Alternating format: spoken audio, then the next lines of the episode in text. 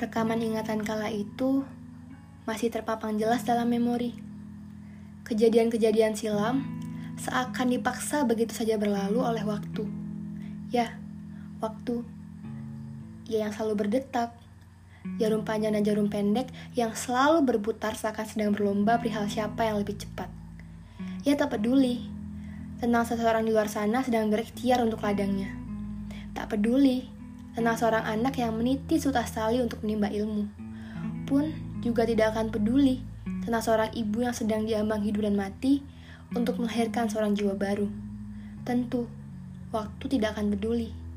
Yang ia tahu, ia sedang melaksanakan tugasnya.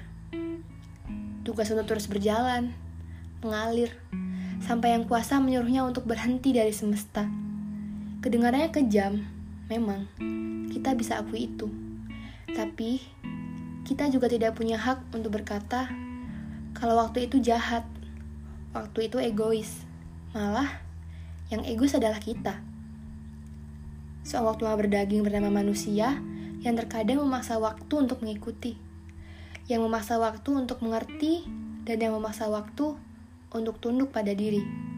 Ironis memang, jika kita harus sering tertampar kenyataan bahwa waktu seakan telah bergongsi dengan masa dan nakdir terlambat masuk kantor, rindu masa kecil, gagal move on, meramah masa depan, sampai hidup dan mati pun akibat dari ulah tiga sekongkol itu. Namun, biarlah, semua tetap seperti semestinya.